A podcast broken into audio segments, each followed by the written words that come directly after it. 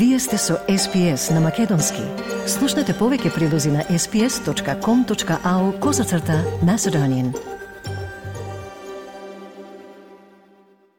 Откако завчера МПЦ го прогласи за светец Кирил Пејчиновиќ Тетоец, со светото име Кирил Лешочки, од Бугарија навалија масовни провокации дека е бугарин, но некои бугарски историчари велат дека имињата на Сдруженијата на бугарите во Македонија не мораат да носат провокативни имиња. Бугарскиот професор Иван Илчев, член на Мешовитата историска комисија за бугарските медиуми изјави дека имињата на бугарските клубови во Македонија предизвикуваат конфликт и тешко е да се разбере зошто се ставаат такви имиња. Мога да разбера но ми е трудно да го оправдая. Можам да разберам, но тешко ми е да оправдам. Кога правиш клуб и го именуваш со име кое неизбежно ќе доведе до конфликт, тогаш ми се чини дека тоа е многу неразумно. Тоа е како да влечеш куче за опашката и да се изненадиш кога ќе те касне. Може а тие клубови да се наречат со понеутрални имења што ќе градат мостови, а не да ги уриваат. Мостови, не да ги разрушават. Иако, како што рече Илчев, македонската историја почива на нереални основи, тој потенцира дека секоја држава има право на собствена припадност.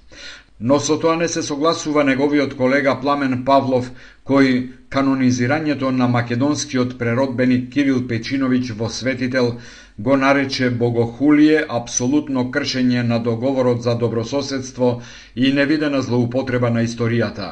Тој во изјавата за бугарските медиуми вели, цитат, Со овие наши рани преродбеници се случува токму истото непочитување на историјата, склоно кон чиста рамнодушност.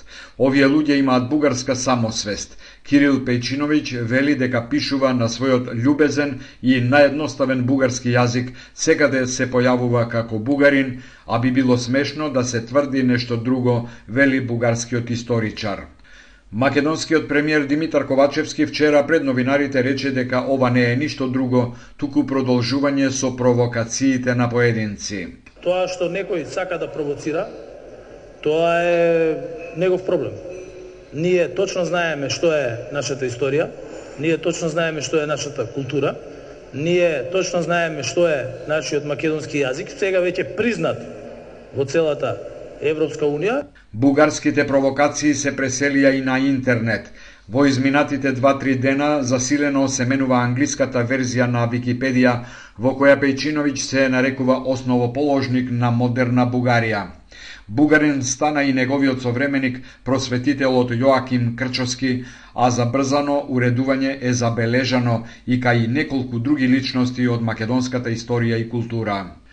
Пратениците на СДСМ ќе го поддржат предлогот на ВМРО да ДПМНЕ за измени и дополнувања на законот за здруженија и фондации со кој треба да се спречи нивно отворање под контроверзни имиња, како што беше случајот со бугарските клубови во земјава Ванчо Михајлов во Битола и Цар Борис III во Охрид.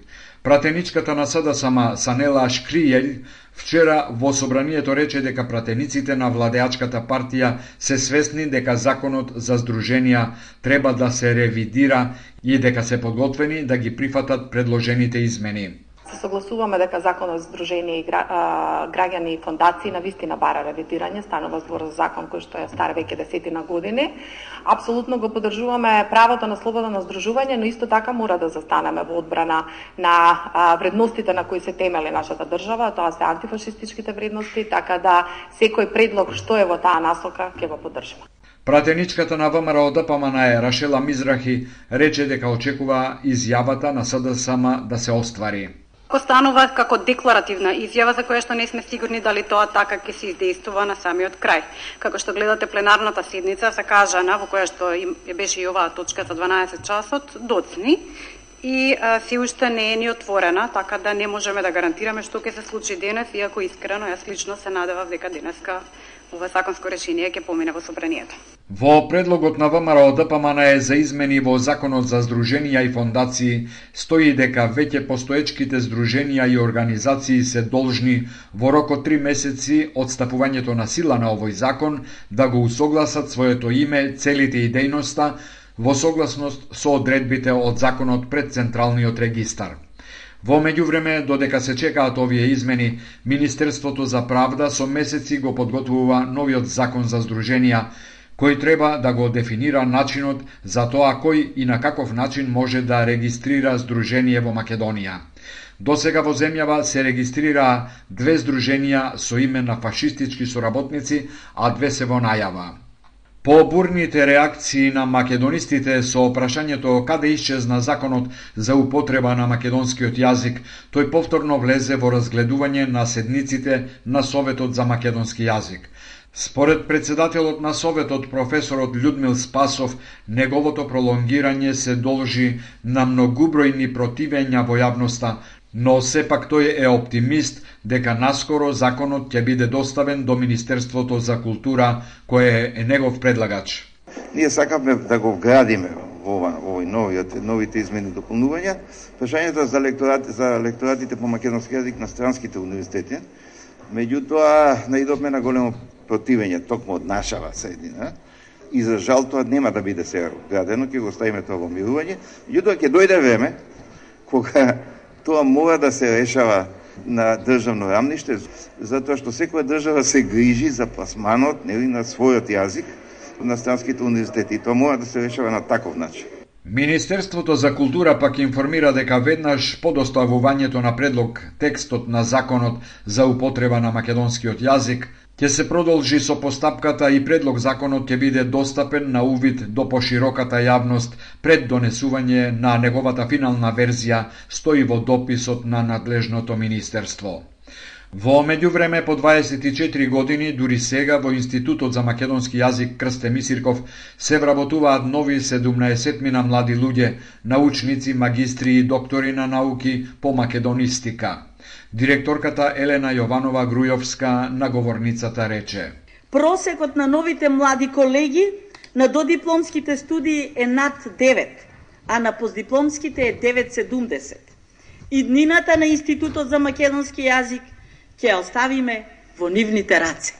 Предлог законот за македонскиот јазик, кој стигна до јавна расправа, беше подготвен во 2019-та, но не влезе во собраниска процедура поради распуштањето на собранието, пошто следеа вонредните состојби. Во него е предвидено стипендирање на студенти по македонистика во сите три циклуси, како и вработувања и ангажирање на лектори во сите државни и јавни установи. Власта ќе бара друг начин за да обезбеди поевтина струја ако училиштата, болниците и компаниите не преминат на регулираниот пазар на струја. Ковачевски потврди дека се водат разговори и дека Министерството за економија изработило предлог според кој дел од компаниите ќе преминат на регулираниот пазар, а дел ќе добијат струја директно преку ЕСМ продажба. Премиерот појасни дека ниту еден работник нема да биде отпуштен, туку целта е да се намалат непродуктивните трошења на институциите. Ниту јас, ниту било кој министер кажал, ниту па ќе каже дека некој вработен ќе му биде раскинат договор и дека ќе остане без работа, а тоа го потврди и Министерката за труд и социјална политика. Помош за фирмите се уште нема, иако уште минатата недела надлежните рекоа дека пакетот мерки е подготвен. Терминот за нивна објава досега неколку пати беше сменет, а според новите најави, стопанството ќе ја дознае поддршката кон крајот на овој месец. За сега пари ќе има само за социјалните случаи и за пензионерите со ниски примања.